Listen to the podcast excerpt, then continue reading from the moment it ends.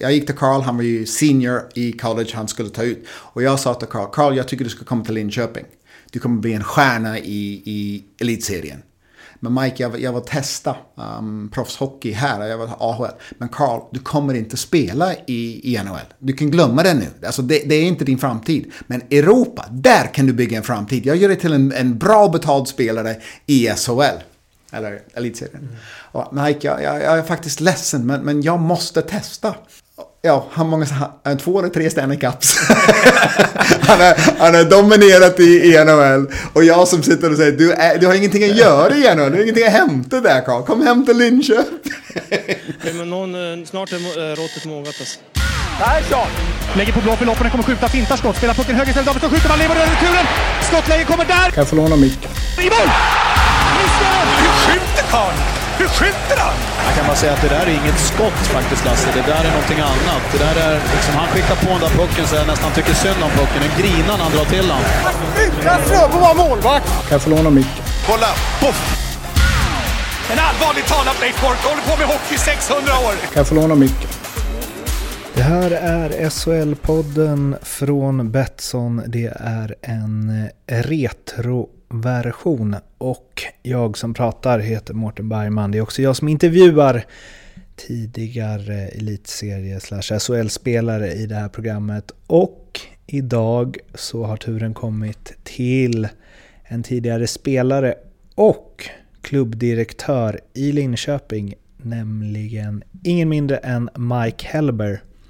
Vad vi snackar om i avsnittet det hittar ni i beskrivningen till det och mig når ni på att Martin Bergman eller att SHL-podden på Instagram eller Twitter. Nu ska inte jag orda mer utan vi spolar tillbaka klockan till den 21 januari i Linköping. Mike Helber. Som ni som lyssnar vet vid det här laget så börjar vi ju alltid med poddens mest eh, uppskattade segment. Eh, det bästa först. Man ska ju spara det bästa till sist. Men Elitset 94-95 hockeybilder. Du ska få eh, minnas tillbaka lite. Eh, så jag tänker att du får öppna det där och sen prata lite om vilka det nu är som dyker upp på de här korten. Om du har några minnen av någon, antingen som spelare eller när du var ledare i Linköping. Om det finns några bekanta ansikten. Johan Strömvall har jag. Uh, är ju en start på det. Vänta, låt oss gå och se vem vi har annars då. Då har vi då... Ja, vem är det? Det är Christian Gahn. Mm. Oj, nu är, nu är vi tillbaka länge. Uh, Makatalo, ja, Jarmo Makatalo i Leksand. Björn Nord, hårdskjutande right högerback för Djurgården. Uh, per Lundell, Färjestads ledare va? Ja. Sen har vi då Lars Modig. Kolla där, det är ju bakåt. Ett kort för hela Malmö IF och det är säkerligen någonting som med, med Percy, ja det första, när byggmästaren Percy Nilsson bestämde sig för att fixa ihop det. Ja, ja, det är det. Och sen Peter Jakobsson som vi ser idag, alltså som är ju inblandad i Färjestad. Ja. Men är ju nära Färjestad, i, i, i Västerås. Men, men, vem ska jag prata med? Jag, tar, jag, jag tar, tror jag tar Johan Strömvall ja. av det här gänget. Då Malti Strömvall, hans son, mm. um, har jag då på något sätt följt lite olika då. Um, Maltes uh, mamma mm. uh, bor i Linköping mm. faktiskt. Och, och som alltid har varit en, en hel del i Linköping. Uh, och det innebär ju att Johan har också varit här i Linköping och han var i Södertälje. Uh, och jag hade ju en, en relation och, inte, inte på något sätt jättenära men, men, pratade mycket med Johan och sånt. Han är ju i Södertälje nu. Mm. Jobbar med basketklubben tror jag mm. nog uh, att han gör. Um, så, så Malte som har gått bra i Ryssland um, och har varit riktigt bra där. Uh, jag träffar hans mamma Tina ganska ofta. Okay. För att hon numera har ju ett barn som jobbar eller spelar i LHC, lite yngre. Mm. Så, så Maltes halvbror.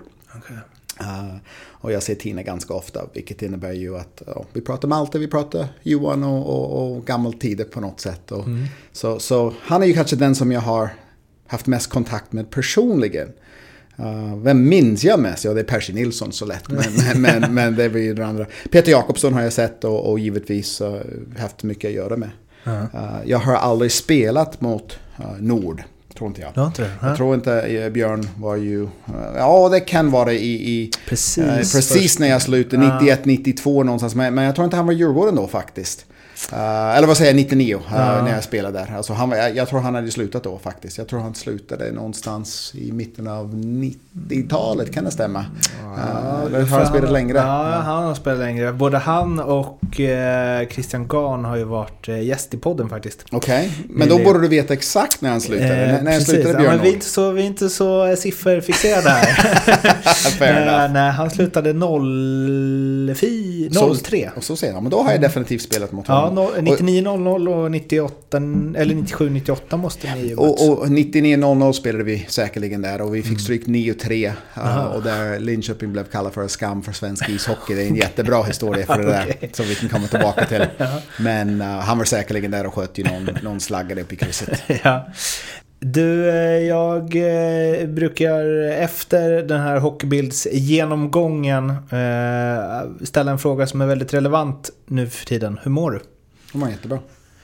I Ja, tuffa ja, tider? Ja, för mig kan jag inte hävda att det är tuffa tider. Jag, jag är ju väldigt tacksam att jag jobbar för ett företag som, som jobbar med, med uh, cirkulär produkter, med andra ord produkter som är ju ska återvinnas och, och vi har ju faktiskt nästan samma jobb som vi har haft hela tiden. Så, så jag är jättetacksam. Uh, pratar med min fru ganska ofta. Eh, om just den här hur mår vi och annat. Och vi mår ju som våra barn mår.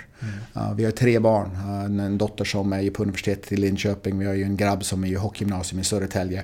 Och en tjej som då går ju i nian här i Linköping. Och de tre mår bra. Um, men, men när man ser sina barn lida av olika uh, saker och ting. Då som förälder brukar man få jättetufft. Um, så, så våra barn mår bra just nu. Och därför mår Cecilia och jag bra också.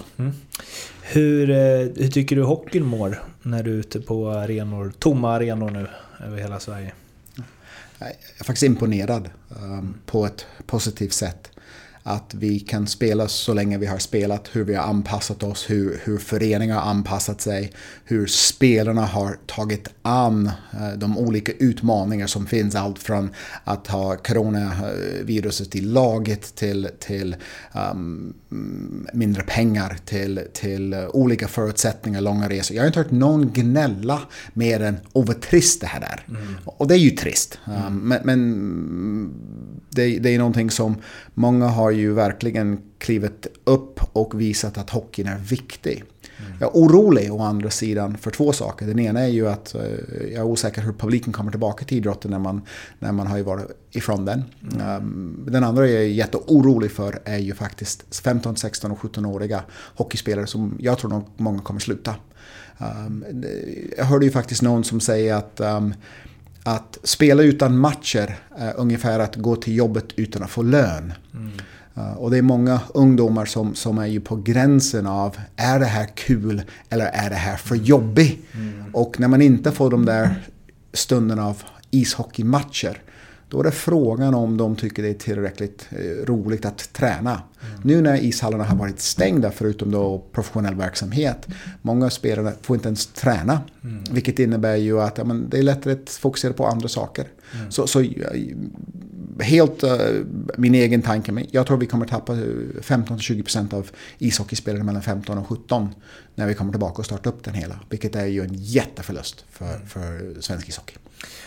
Kanske kommer synas på framtida årgångar att det inte kommer fram lika många spelare och så vidare. Att det inte är lika starka årgångar som... Jag, jag, jag tror det. Um, det, det. Jag har ju en, en son som är ju 17 år som har hockeygymnasium och jag ser de olika påfrestningar som det är på en, en ung kille som drömmer om NHL men kanske har inte den skickligheten i alla fall att, att nå ett landslag eller, eller till och med spela så mycket som man vill spela eller powerplay eller göra de poängen och, och vad det innebär att oj, alltså hur, hur mår jag och min identitet? Jag tror det är ganska många, uh, i alla fall unga pojkar i hockeygymnasium som deras eh, dröm och identitet matchar inte riktigt ihop sig just nu. Och då kanske det kan vara lätt att man slutar när man inte har ju kollektiv träning. Det är mycket lättare att gå till en träning när man vet att man ska träna med alla andra. Och nu ska man gå och träna själv. Och, och det är inte hemskt lätt för en 16 17-åring att gå ut och springa eller gå till ett gym eller vad det kan vara i dessa tider. Så, ja, um, så professionellt faktiskt är jag imponerad av lagarna. Och tycker nog att de mår ju hyggligt bra. Det är klart att det är en ekonomisk utmaning, men, men de har ju anpassat sig. Ungdomsishockey, en annan sak. Men eh, det här du sa med um, publiken, hur den kommer tillbaka och så. Det finns ju två sidor av det. Antingen skulle man ju kunna argumentera för att Eh, ah, du, du, får, du, har inte fått göra något under så pass lång tid nu att när man väl får gå på hockey så kanske folk som normalt sett går på tre matcher per år kanske kommer gå på tio matcher för att de bara äntligen så får man göra något annat än att sitta hemma. Men man kan ju också argumentera för att det finns ganska många i en ålder där man kanske, visst man har vaccin och så, men folkmassor, man är inte helt trygg med det. Eh, framförallt inte liksom 10 000 i en hockeyarena. Och det är ganska bekvämt framför TVn ändå. Mm. Och de kanske inte köper de här årskorten som de alltid har gjort till exempel. Tror, tror du att det senare kommer väga över det första? Eller det... Jag tror definitivt att de första fem omgångarna kommer vara slutsålt överallt. alltså det, det, kommer bli, det kommer bli en, en, en uh, ja, publikhysteri ja. i alla fall över, över en väldigt kort period. Um, samtidigt, lite som du är inne på Morten, alltså man, man hamnar ju i ett läge där, där uh, de som, som köper årskort, som köper sin kaffe, som går på matcherna, de är ju 40 50, 60-talister mm. som, som älskar ishockey och älskar just den där föreningsverksamhet. Och det, det finns risk att de väljer att, att göra annat um, under den här tiden. Så, um, idrotten har ju överlevt i många saker, uh, krig och, och, annat, så, så det är klart idrotten kommer att överleva detta. Uh, men det är klart att det kan bli lite annorlunda så småningom när vi startar upp och, och normal igen. Och kanske från 21-22 säsongen. För jag tror att den här säsongen kommer att bli ganska svårt att få en normal läge igen. När du ser sådana här hockeybilder eh, och den eh, tiden, det var ju i slutet, eller ja, det var väl, du hade väl fem år kvar eller något av din spelarkarriär eh, när de där bilderna togs. När du ser sånt och kanske tittar på några gamla bilder från när du själv spelade och någon kanske video från kval upp och så vidare. Vad gör du det med för känslor idag? Fantastiska känslor skulle jag vilja säga. Ja. Först och främst är det träklubban. Ja. Alltså det, det, det, måste alla se. Och sen handskarna, vilket är ju gigantiska. Handskarna är ju, är ju så stora och, och, och ja, eh, helt otroligt hur de stora är. Så byxorna och benskydden, de är detsamma. Men jag, jag hävdar att varje gång jag tar upp en, en kompositklubb att jag, jag hade gjort mål från, från mittlinjen med, med en sån här bra klubba. Ja. Men eh, nej, jag, jag, tycker nog att, att um, hela, hela klubbutveckling har ju på något sätt bara uh, rusat iväg och hittat en, ett bättre sätt. Man, man skjuter på ett helt annat sätt idag. Mm. Så, så vi som är gamla och, och, har ju spelat en gång i tiden, uh, vi, vi, skulle inte ens klara oss för att det är en helt annan flex och det är en helt annan uh, rotation av kroppen som, som man skjuter. känslorna kring spel och match och sånt, jag älskade min tid. Jag, jag, hade ju, jag är ju lycklig lottad när jag var ju uh, 21 år gammal, spelade college hockey i USA, uh, draftad av Winnipeg när jag var 18. Men, men visste på något sätt att, att jag var inte en hockeyspelare. Uh, min hockeytränare, uh, collegetränare sa ju det. Alltså du är ingen hockeyspelare, get a job, sa han. You're not a hockey player. Uh, varför då? alltså, alltså, på något sätt, jag, jag, skulle inte bli proffs på, på det sättet och, och tjäna massa pengar och annat. Mm. Och, och, jag tittade på matcher som var ju i East Coast Hockey League och den finns idag. Men, mm. men då fanns ju, det var ännu sämre än vad det är idag. Mm. För att då hade man en, en annan mellanliga som hette ju IHL, alltså internationell hockeyliga. Så det är AHL som finns idag, NHL som är högst upp. Men eh, jag vill inte gå och slåss och, och, på något sätt hamna i en liga där, där jag ogillade ishockey. Mm. Så, så det här samma tränare sa ju till, till oss alla, um, hockeyn ska ta dig någonstans. Mm. Uh, och, och, hans kommentar på engelska var You don't work for hockey, hockey should work for you. Mm. Och jag hade ju den känslan. Och därmed när jag åkte till Sverige, allting jag fick ta del av var något mer än vad jag hade förväntat. Min dröm var ju att spela college. Mm på Michigan, min hemstad. Uh, vilket jag fick göra uh, i fyra säsonger. Och sen så, så, när jag kom till Sverige, det var ju en säsong och två. Och sen helt plötsligt började laget och jag bli bättre och, och mm. föreningen utvecklades. Så, så, så hela mina tio år i Sverige, det var ju bonus för mig. Mm. Och varenda sång, säsong tänkte jag, får jag en säsong till? Men vad häftigt, vad roligt. Uh, och, och, för mig, poletten trillade ner någonstans när jag var ju 24, 25. Att oj, kan jag spela hockey uh, och ha roligt och, och, utbilda mig? Jag fick min magisterexamen på Linköpings universitet samtidigt. Så, nej, jag, jag har fantastiska minnen från min hockeytid. Men eh, ändå, du, som du säger, du draftades ändå av Winnipeg och alltså det måste... Eh, jag menar han sa att du inte var en hockeyspelare liksom. Alltså du måste ju ändå tänkt att så, oh, NHL-draften, det finns någon... Eller siktar du aldrig mot det? Eller? Det, det, det är ju så länge sedan. Mm. Så man måste förstå att, att NHL-draften och, och, allt vad det innebär um, var, ju, var ju helt olika då jämfört okay. med nu. Det fanns ju inte den här combine dagarna innan och allting annat. Jag kan berätta att jag fick ett telefonsamtal, jag var i min källare, min mamma skrek ner till mig och jag spelade biljard vid ett biljardbord i vår källare. Och min mamma skrek ner till mig och det här är ju den, säg att det är den 7-8 juni. Nu är vi tillbaka till 1988 så är vi ju 18, eller jag skulle fylla 18 år, jag hade inte ens fyllt 18 år. Och min mamma skrek nog, du har ett samtal, alltså på engelska. Mm. Mamma, jag spelar biljard, jag har till Mike, du måste ta det här samtalet. Uh, och hello. Och i, i andra änden hör jag, Hi Mike, this is Les Binkley. Hi Les. I had no idea who Les Binkley was. Uh, Mike, I'm from the Winnipeg Jets. I'm one of the head scouts, and we've just drafted you on the floor of the Montreal Forum. Thanks, Les. That's nice. Do I get a hat? så jag, var ju, så jag, jag, jag tänkte att de skulle skicka en keps till mig eller vad, vad ska jag få för det här? Så, så, så det är någonting helt annat idag. Jag lade på luren och jag fortsätter att spela biljard. Jag sprang inte till mina föräldrar, jag, jag, jag, ringde inte till någon, jag hade ingen agent eller någonting sånt. Så, så på något sätt, ja, okej, okay, jag blev draftad, vad roligt det där var. Mm. Uh, det som var intressant var ju att det var ju en kille till från min hemstad som blev draftad i den draften. Och vi blev ju draftad den ena framför den andra. Så jag gick ju, jag tror 178 någonstans där och han gick ju 100, 179. Aha, okay. uh, och vi var från samma, samma stad, vi spelade tillsammans. Um, men, men, men, så jag fick ingen tröja, jag fick ingenting. Uh, har, har, du pratat med Winnipeg sen dess? De ringde mig några gånger när jag var på Michigan. Ah, alltså, ah, okay, GM ah, ringde och, och, och lyssnade hur jag tänkte och lite annat. Ville spela Farmer League Hockey och allting sånt. Så, ah, okay. så jag, jag, hade inte utvecklats till att, att, spela för Winnipeg. Så, så mitt alternativ var ju att skriva på för ett East Coast Hockey League-lag, mm. Toledo. Um, och jag vägrade för att jag vill inte slåss. Jag var ju mm. för liten och för dålig på att slåss. Så jag flyttade till Sverige istället. Eh, men du var väl alldeles eh, för bra för division 2 i Sverige? Ja, jag kom till en liga och fick gå ner från college hockey. Ja. Um, vilket var ju fantastiskt roligt. Alltså, återigen, jag kom hit för en, för en adventyr, för att lära ny språk, träffa nya människor. Och jag drömde om två säsonger. Det var, mm. min, mitt mål var två säsonger. Och sen uh, plugga till, eller gå tillbaka till uh, magisterutbildning i, i ekonomi.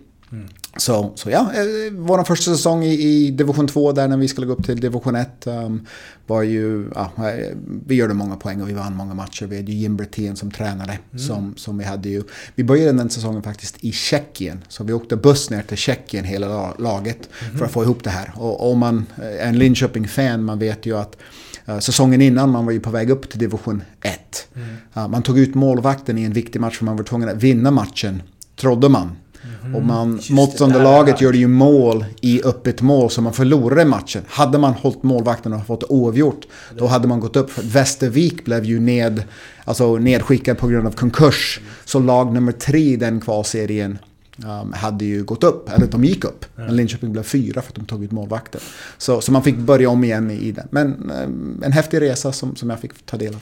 Men eh, Alltså flyttade du till Sverige för att... Alltså hur... Eh, tog Linköping kontakt med dig eller tog du... Eller ville du hit ändå? Eller vad Nej, liksom? alltså det, det, är ju så mycket slump som det bara kan vara. Ja. Um, Rob Brown, en lagkompis till mig, två år äldre än mig, um, spelade på uh, University of Michigan, samma som mig i två säsonger. Uh, han flyttade till Sverige, kom hit på grund av Paul Kobelars, som spelade i Sverige.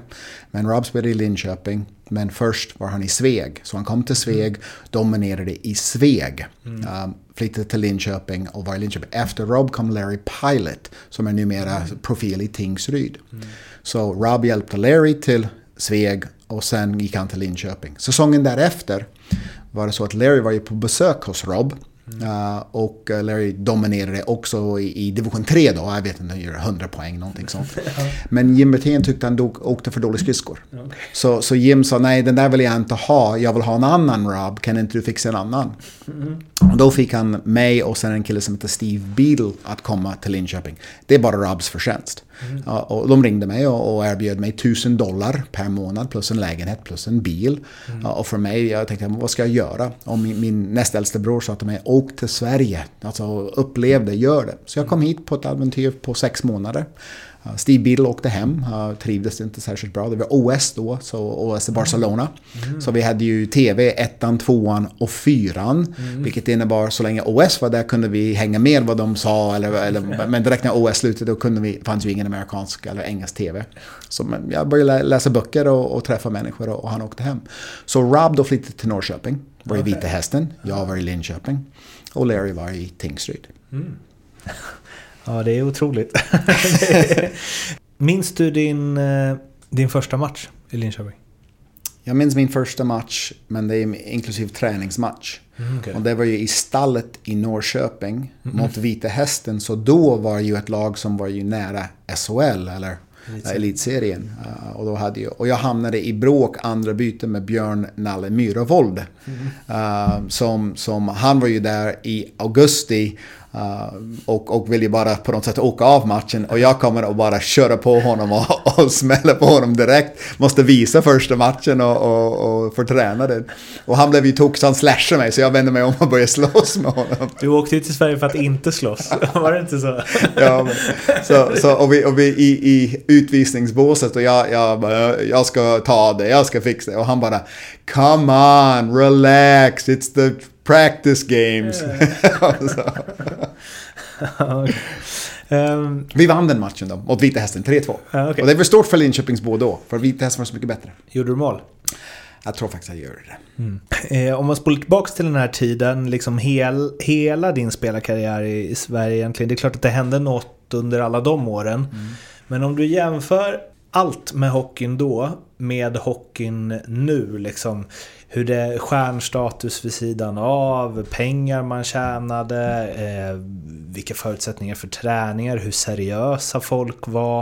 Alltså jag har haft liksom allt från eh, Burakovsky och Karnbäck i den här podden som berättat att man drack ju liksom öl med polarna i motståndarlaget efter matchen oavsett hur det hade gått. Eh, medans eh, idag så är det ju liksom Ja men det är väl knappt att eh, kidsen som kommer upp idag vågar äta en hamburgare liksom för mm. att det finns något kostschema och hej och eh, hur, hur var det när du spelade och hur ser du tillbaka på det jämfört med idag? Mm. Så, uh, om, vi, om vi ska prata om Linköping och, och mig uh, i, i, en, i en historisk perspektiv. Uh, vi var ju faktiskt Eh, studenter som spelade hockey. Mm. Eh, vi var ju många som gick på Linköpings universitet. Uh, Ulfe Söderström som vann ju Guldhjälmen i Färjestad som var ju outstanding i Linköping. Mattias Nilima som gjorde ju det. Fredrik Jensen, jag själv, Johan Bylov. Alltså vi var många som, som vi var amatörer som, som utvecklade på ett annat sätt. Alltså skolan eller jobb. Många spelare som, som jobbade på halvtid. Och ingen av oss såg oss, såg oss själva som proffs. Mm. Den kom först efter vi hade gått upp till elitserien och sen åkt ur. Då började vi ta in Pelle Eklund och, och, och andra spelare som var ju av, kallade för proffsnivå. Så går jag tillbaka till uh, när Tommy Bostedt kom, um, i mitt, jag tror det mitt sjätte år, så man kom, med Jim Brithén och sen Urban Lang och sen Jim igen och sen uh, kom Tommy och efter Tommy kom ju Ulf Weinstock. Tommy på något sätt oss till en tänka mer professionellt. Mm. Uh, och också få upp ögonen att vi skulle kunna slå de bästa. Uh, jag, jag minns ju så väl när vi var i, i en kvalmatch och vi mötte Västerås. Um, och vi spelade egentligen så dåligt tyckte vi, men vi var nära. Och Tommy kom in och var så förbannad för att vi inte tog, tog egentligen chansen att visa hur bra vi var. Um, och, och, jag minns han kastade sin, sin uh, taktiktavla och nästan uh, högg av Uffe Söderströms huvud. Och jag menar allvar. Alltså det, mm. han, han kastade som en, som en frisbee och den, den missade Uffes huvud med, med inte mycket. han hade ju inte spelat kvar matchen i alla fall. om jag hade träffat honom. Så, så vi i Linköping, vi, vi var ju studenter och, och vi, hade ju ing, vi hade ju ingen egentligen festkultur eller någonting. Alltså vi var ju studenter, vi var ungdomar. Vi, det är klart vi, vi var ju, gör det något, men, men inget, inget stort. Vi, vi, någonstans var det så att vi alla också började tävla med varandra för att få upp en, en känsla av att vi vill bli bättre. Mm. Um, och, och, Tommy tog ju uh, kanske Linköpings, uh, Linköpings bästa spelare, alltså från Linköping i alla fall, Mange Johansson, uh, till Frölunda. Och ingen visste om Mange. Och, och två år senare, eller ett år senare, Mange i landslaget och är ju bästa back i landslaget och, och på något sätt utvecklades. Uffe Söderström som är ju en kille från Hofors som ingen kände till. Helt plötsligt åkte till Färjestad och, och vinner ju Guldhjälmen två år senare. Mattias Nillema som var ju fantastiskt skicklig och vann ju poängligan i, i serien uh, den säsongen och gått till Frölunda och spelade där. Och det, det, vi hade ju i första kedjan, alltså som vi spelade med, vi hade ju två, två Guldhjälmvinnare. Mange har vunnit Guldhjälmen, Uffe Söderström har vunnit Guldhjälmen. Men ingen visste om oss då. Och, och vi, vi, vi kände oss bara som, återigen, alltså amatörer som lirade hockey. Mm. Så, så hela den här proffskulturen och sånt, den kom i Linköping först efter vi hade gått upp. Och sen började man plocka in spelare som var ju från Stockholm eller från andra ställen runt om i Sverige. Fram tills då, den största attraktionskraften till Linköping var universitetet. Mm. Kom in och plugga. Mm. Och då gick det också, för vi tränade klockan fyra på eftermiddagen.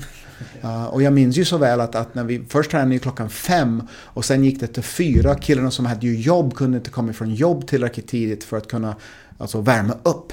Och då började man prata om okay, hur ska vi fixa det här och då började vi träna klockan tre. Och det var där vi fastnade för att vi på universitetet jobbade, eller gick i skolan till två. Mm. Och då kunde man hinna ner från universitetet. Och vi kunde träna på förmiddagen, det gick inte. Mm. Uh, för att då, det var då man skulle läsa. Så för oss var vi, vi, vi var någonting annat. Och, och, det är ju för mig Linköpings identitet var just det. Vi var ett smart lag. Det innebär ju inte att vi var ju bättre hockeyspelare, men många boksmarta människor som, som älskade ishockey. Var ni lite så outsiders på det sättet eller? Kanske. Um, mm. återigen, ingen av oss egentligen drömde om någonting annat än där vi var. Ja. Erki Sarma var ju, var ju en otroligt människa och han var ju så mycket i, i vardag, alltså gläds åt idag och, och, och skratta idag och, och ha roligt idag.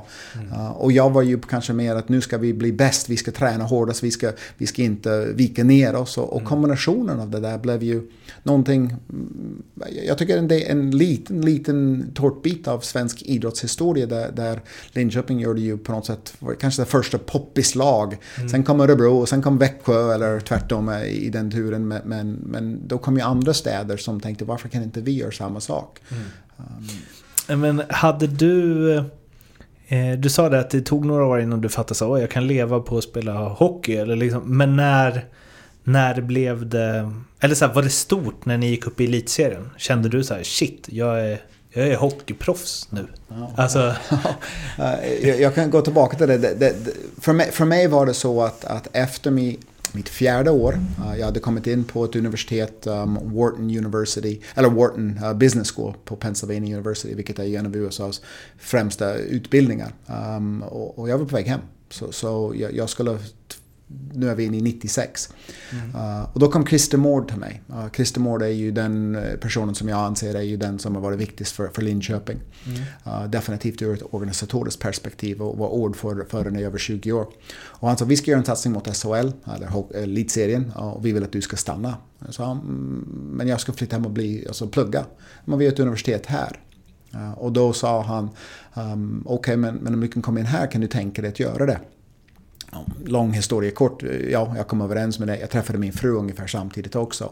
Men då fick jag skriva på ett kontrakt. Och det var fyra års kontrakt. Och anledningen var fyra år var ju att om inte hockeylaget ville ha mig, då skulle jag jobba på kansliet. För att jag var tvungen att ha ett arbetstillstånd för att kunna plugga. Mm. Annars kunde jag inte stanna i Sverige. Cecilia var inte gifta då. Mm. Så jag skrev på ett fyraårskontrakt på 37 000 kronor i månaden. Mm. Och Christer sa till mig, det här är ju, jag tror det här är den största hockeyallsvenska avtal som har funnits fyra år. Alltså så, så 37 gånger 12 gånger 4 mm. var ju värdet på det där kontraktet. Och det är säkert bara för ingen skrev ju så långa avtal.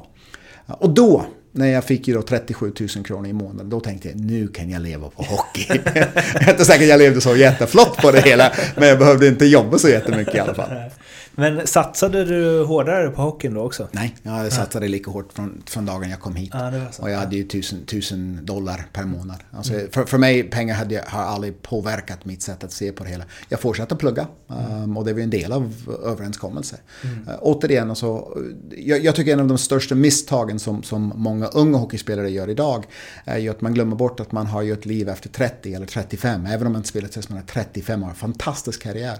De är 30 år kvar att, att jobba. Mm. Och, och, den tiden man har när man inte spelar hockey, när man är hockeyproffs, Mm. kan man använda det till någonting annat än att spela tv-spel eller uh, fika med sina polare. Mm. Så, så jag, jag var duktig på att plugga i bussen på vägen hem. Alltså jag, jag, jag hävdade att jag fick min magisterexamen i bussen. Uh, och vi var många fler som gjorde det. Så, så mm, häftigt att kunna använda den, den extra tiden uh, när vi satt i bussen till Umeå eller till Sundsvall eller vart det kan vara. Då, då kan man plugga. Vad eh, skulle du säga är den största skillnaden på hockeyn då och, eh, hockeyn nu? farten. Utan tvekan. Det, det är vi, ju, vi, vi spelade i, i på något sätt kors och tvärs över banan. De bästa spelarna, vi, alltså jag minns ju att vi, vi, vi bågade bakom och vi bytte platser på banan och högerspelaren ska byta med vänsterspelaren och vänsterspelaren ska byta med högerspelare och, och vi ska alltså korsa och, och droppa och allt det. Finns inget idag. Rakt fram, så fort du kan. Jaga, jaga, jaga. Um, och skridskor, och skridskor, och skridskor. Um, och, och, när, man, när man ser ju de olika delar, det är klart att jag, jag tycker att um, spelare som Uffe Söderström som, som var ju så otroligt skicklig och, och han hade klarat sig ändå på hög tempo hockey för han var så smart. Men jag tror att det hade varit någonting annat. Um, Jag älskar passningsspel, jag älskar just den här platsbyte och öppnar upp uh, kantöppning där man öppnar upp uh, olika spelsätt. Um, den finns inte på samma sätt idag. Nu är det kämpa, slita, jobba och, och, och befinner sig på en plats och så fort du kan jaga puck, backchecka. Um, det, det är en annan sport. Um, det är en annan sport. Och jag vill inte säga det var bättre för, men jag gillar det att spela då i alla fall. Jag tror inte jag hade klarat mig i den här rakt framspel. Det är många från eh, den tiden som säger att det var i alla fall roligare för. Ja, det, jag skulle säga nästan alla kanske tycker det. Um, s- svensk ishockey har blivit professionell. Och den, den skedde ju någonstans uh, där när, när vi gick upp i elitserien riktigt. Alltså där, där man började prata om riktig proffs. Alltså, Okej, 40-50 000 kronor då. är Man, då kan man leva med hockey. Man, man, man, är ju inte en, en, man blir ju inte på något sätt uh, förmögen på, på hockey. Eh, och, och nu, är det, nu är det någonting annat som man mäter i statistik, man mäter hur mycket pengar jag ska ha, man har fått in agenter, man har ju skapat en, en historik kring den här utvecklingsdelen, vilket är ju fantastiskt. Börjar med NHL och, och NHLs sätt att kunna öka intäkter, lönenivåer, föräldrarna är redo att satsa på sin, sina söner när de är ju 12, och 13 och 14 för att de drömmer att de ska bli NHL-proffs. Och glömmer bort lite grann över varför man spelar hockey. Så, så jag tror nog att vi var mycket mer avslappnade då. Nu är det, någonting, nu är det ett yrke som många drömmer om. Och pressen är ju helt annat än kanske vad det var när vi spelade. Kommer du ihåg din sista match? Eh, jag kommer hem, ihåg min sista match. Ja. Berätta. Mot Malmö. Eh, jag hade ju, vi var ju uppe i SHL för våran, det blir våran eh, andra säsong. Eh, och vi hade ju varit i kvalserien, jag tror nog sju år i rad. Antingen uppåt eller nedåt. Uh, Kan vara sex år i rad, sex, Ja, eller sex år i år, rad, sex, sex år i rad där. Och varav två var negativa. Um, och den, den, den säsongen um, när jag slutade 2002. Vi slutade säsongen mot Malmö hemma. Vi förlorade matchen. Jag gjorde ju sista målet. Men vi hade ingen kvalspel. Vi blev ju tio i eh, serien. Så 11 och 12 fick kvala. Men det var inte Linköping. Så jag fick ta semester i mars. 15-16 mars någonstans det tog slut tror jag. Till och med kanske lite tidigare. Och jag minns att efter matchen gick jag ut på min balkong i, i Valla här i Linköping. Och jag ställde mig på balkong och skrek av ren glädje att vi inte behövde kvala nedåt. Um, i, i, ja, en gång till. Ja, och då slutade jag. Eh, när visste du att du skulle sluta? Hade du bestämt dig innan? Jag, liksom? jag bestämde mig, um, fick ju då samtal med Christer Mård uh, igen, um, som var ju ordförande då, som, som vi diskuterade en tjänst i föreningen. Eller i förening. Och, och Christer var ju väldigt tydlig med att han ville bygga upp en lokal kännedom från Linköpings HC och vill inte importera in um, en, en Stockholmsprofil eller någon profil från svensk ishockey för att leda föreningen. Så jag fick ju då chansen att bli klubbdirektör som 32-åring. Så, så dagen jag sa, dagen efter vår sista match hade vi en presskonferens och sa att jag slutar och blir klubbdirektör dagen efter. Så jag lämnade då eh, spelarbänken och blev ja, upp till kansliet och, och jobbade som klubbdirektör.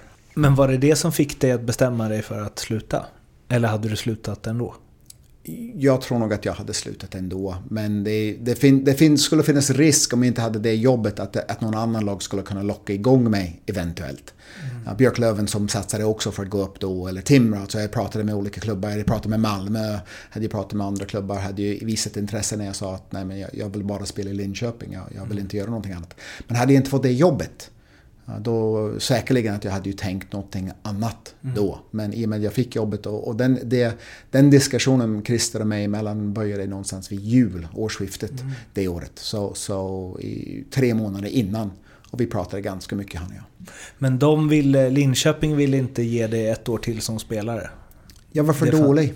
Ah, okej. Jag, jag var för dålig. Alltså, man, man måste det vara- så? Ja, det var så. Um, och, och, och jag var lagkapten. Mm. Man kan inte spela i en fjärde line och inte powerplay och litet istid och liten plats och vara en bra kapten. Jag minns ju så väl en gång när Torgny Bendelin vänder sig till mig och jag sitter i fjärde line och man spelar på 3-5 år så jag har inte spelat ett byte nästan hela period och han skriker åt mig gå ut och prata med domaren. Och jag kände mig som en fån att hoppa över bänken, åka till domaren och jag har inte ens varit inne på isen senaste alltså 10-12 minuter. Och jag- alltså, det, det var ju inte riktigt rätt och man leder inte ett lag från bänken på det sättet. En, en kapten måste vara en, en aktiv del av, av sitt lags både alltså offensiv men defensiv och, och gör en, en, en stor insats. Så nio år hade jag en väldigt framstående roll. Mitt tionde år, jag, jag var ju fjärde line. Och, och jag var en fantastisk hockeyallsvensk spelare. Gjorde ju jättemycket i Hockeyallsvenskan. Men elitserien var ju för bra för mig. Och jag klarade mig två säsonger, jag gjorde inte bort mig. Men, men jag hade inte kanske den, den skickligheten som, som jag några ibland tycker att jag hade. Hockeyallsvenskan däremot, den passade mig alldeles utmärkt. Vad- men för Linköping värvade bättre och bättre spelare? Eller Ja, helt rätt. Ja. helt rätt. Alltså laget blev bättre. Vi, vi, vi var, tio, alltså, vi var i tio, tionde plats när vi slutade då istället för en tolfte plats som vi var då två år tidigare. Och, och laget var bättre. Det var bättre spelare som, som tog platsen och förtjänade platsen. Så, och jag tycker inte nå, något annat än jag fick ju en fair chans att spela. Men, men det var dags. Var, det, var det ett jobbigt sista år? Att du var kapten men inte var en... Det, det var mycket som var jobbigt i, i, i sista året och det, det, var ju, det var ju en identitetssituation. Ska jag bli hockeyspelare eller ska jag fortsätta vara hockeyspelare eller ska jag göra någonting annat?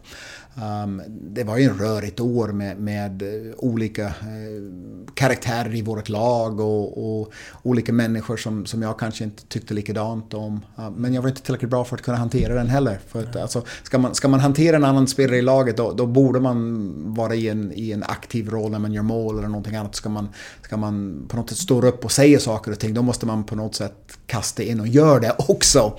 Ja, och, så, så det var ett, ett det var ett det var inte en av mina bästa åren, varken känslomässigt, men vi överlevde och därför kunde jag på något sätt skrika ut av glädje. Men det, för det är väldigt mycket sport i det. Att så här, du kan inte säga åt... Alltså, på alla andra jobb skulle jag säga så kan du ju säga åt folk som du tycker gör fel eller om du tycker att någon behandlar någon orättvist eller vad det är. Alltså, men så här, just i sport, kanske mer förr än nu, men att så här, hierarkin är så tydlig. Ty, ty, ty, tycker det på en arbetsplats en, en person som har en ganska liten roll, liten ansvar, um, har varit där länge och är en härlig person men, men eh, inte har en viktig roll. Och, och när jag, det, det är en dålig jämförelse men, men säg att jag, jag, jag hade inte en en riktigt viktig roll i, bolagets utveckling. Eh, Men jag var där varje dag. Alltså, jag- tror det är var som helst man hamnar i det läget. Eh, Sen, sen, sen, det innebär inte att jag inte sa någonting. Men det är inte samma sak om du går tillbaka när, i 99 när vi gick upp och jag var ju en av dem som hade ju flest mål. Mm. Uh, jag, jag, spelade boxplay eller jag, jag spelade powerplay mm. eller, eller jag hade ju mycket istid i en roll. Och då är det mycket lättare att ställa sig upp i omklädningsrummet inför en tredje period när, mm. när, när laget har inte riktigt spelat bra. Och visa känslor och säga kom igen nu grabbar, nu får mm. vi kliva upp. Då måste man börja med första bytet och gå ut och visa det. Mm. Men när man går ut första bytet och sätter sig på bänken. Nej, och sen nej, andra byte och tredje byte, fjärde byte och sen får man hoppa in ja. och sen ut igen. Och, och, och vi, vi, kanske ska inte göra för mycket av den här än vad det är. Men, men jag är ju väldigt eh, nyktert kan se på på den kvaliteten som jag hade personligen som spelare. Och, mm. och jag var en kämpe. Um, och, och, det finns ju många goda exempel. Jag kan titta på andra lag mm. um, av spelare som är ju fantastiska människor, hjälper andra. Mm. Men just nu har inte riktigt den skickligheten för att kunna leda. Mm. Hur nöjd är du när du tittar tillbaka på din spelarkarriär? Så nöjd som man kunde vara. Mm. Jag hade inte gjort någonting annorlunda. Um, det, det, jag, jag um, har min tid som, som att kunna vara i en och samma klubb, att kunna få uppleva de saker. Eh, för att kunna se en, en förening växa som det gjorde under min spelartid. Sen om vi pratar om ledarkarriär, så jag höll på med, med det i, i 12-13 år till. Eh, jag parkerade min bil på samma arbetsplats i, i över 22 år. Och att få se den resan och vara del av den. Och, och, och jag tycker en viktig del av den. Eh, jag är så stolt och glad som jag bara kunde vara. Vi kommer till den eh, delen då. Eh, dina år som, eh, ja, det är många titlar men klubbdirektör antar jag ja, att det blir. Så, så, så, var det. Ja. så var det det, som du sa, du kom in ganska, mm, eller väldigt ung i det jobbet. Det kan ju inte varit många som var strax över 30 som blir klubbdirektör. Och gör alltså 10, 11, 12 år va? Det är en sån stor fråga liksom. Men hur var den eh, resan? Jag kom in som 32-åring, eh, som du säger. Uh, hade då Christer Mård som min chef, vilket var ju det bästa jag kunde ha för att han var ju både en, en stor hjälp till mig men också en person som, som utvecklade och, och tog så, alltså flyttade saker framåt. När jag slutade då 12 år senare, jag var fortfarande yngst av alla. Men jag, men, jag, ja, men jag var den som hade suttit längst. Ah, okay. ingen, annan, ingen annan som hade suttit 12 år. Ja. Sen kom P.A. Israelsson när Skellefteå flyttade in och han hade varit i typ 20 år. Så han, så han, han bräckte min. Men, men, alla andra, det, det, alltså, jag räknade ut det någon gång och, och snitttid för, för klubbdirektör var ju två år. Så man satt inte längre. Bytte, jag tror att det var 48 stycken som, från olika klubbar som hade bytt ut i olika sammanhang. Malmö hade ju tre i en säsong som ett exempel. men men um, så, så, jag var ung. Um, Christer ville ha en Linköpingsprofil. Han var väldigt tydlig med att säga att jag vill att du ska vara här. Skulle det inte gå bra för oss, då kommer du vara kvar. Uh, och, och, kämpa. Medan hade vi tagit in en, en, en hockeyprofil från någon annanstans ute i landet hade man säkert flyttat tillbaka till deras stad. Så, så han ville bygga upp den här lokal, lokala profilen en, en enorm svår situation att gå ner till alla lagkompisar. Alltså jag var ju lagkompis med i princip alla. Um, men jag kom överens med mig själv att jag skulle ha kostym på mig varje dag. Mm. Vilket är ju väldigt osvenskt. Mm. Men, jag gjorde ju det då i två års tid. Så varje gång jag kom dit och, och försöka separera mig från, från laget. Uh, första året hamnade vi i kvalspel. Mm. Uh, så, så det var ju ett tufft år och ett, ett uh, väldigt um, hög stresspåverkan um, mm. den säsongen, men vi klarade ut det. Mm. Um, vilket innebar ju att därefter började vi prata om slutspel och jag tror vi gick till, uh, om det är ju sex eller sju semifinal, mm. slutspel, tio säsonger någonting liknande och sen två finaler. Um, vi vann aldrig. Jag var med på en, en resa som, som en hel stad var med på. Och, och Linköping för, för för första gången inom idrotts-Sverige kunde säga att men vet ni vad, att vi har någonting att komma med. Mm. Och, och, den, den tyckte jag var häftigt att, att vara med på. Mm. Hela mm, ombyggnationen eller nybyggnationen av arenorna från 2004. Mm. Det började faktiskt i Jönköping. Därefter gick det till Karlstad. Karlstad var den första som byggde ju ett ny, en ny arena ovanför en gammal skal. Så, mm. så läktaren var ju gammalt men, men skalet var ju ny. Och sen byggde vi nytt helt. Så, så Linköpings, alltså Cloetta Center som det hette då, var ju den, den första riktig hel nybyggnation. Sen gick det till Gävle och Övik och, och lite, over, lite andra ställen. Hela den resan, från 40 miljoner till 160 miljoner. Mm. Så var ju omsättningsökning för Linköpings HC från den tiden. Och, och den var ju någonting som eh, fick fort. Mm. men på något sätt en hel stad som jag upplevde var stolt över eh, LHCs framgångar. Mm. Hur, hur lång tid tog det innan du, du sa dels att du kände hela laget och ska helt plötsligt vara deras chef. Eh, alltså för det roliga med det är att du säger att sista säsongen du spelade, att du var kapten men inte tillräckligt bra på att spela. Så då hamnar man lite ner i hierarkin och sen bara tjoff! Det är jag som förhandlar era kontrakt liksom. Alltså det är väldigt speciellt. Ja, ja. Eh, jag var för dålig för att spela med er, så nu ska jag bestämma över er. En bra analys faktiskt. Kan, kan jag inte påverka er i omklädningsrummet kan jag bestämma om du får vara kvar eller inte. Den var ju det var ett, ett, en resa som jag skulle tro att alla var. Det, det, det svåraste tiden för mig var att ta bort Micke Sandberg. Mm. Um, det, det, var ju bland det svåraste som jag hade och det, det hände ju inte första året men andra året. Mm. Um, och det var ju faktiskt så att, um, lång historia kort var ju så att Fredrik Norrena fick inte spela i Frölunda på grund av Joel Lund, eller um, Henrik Lundqvist fick mm. ju sin genombrottssäsong.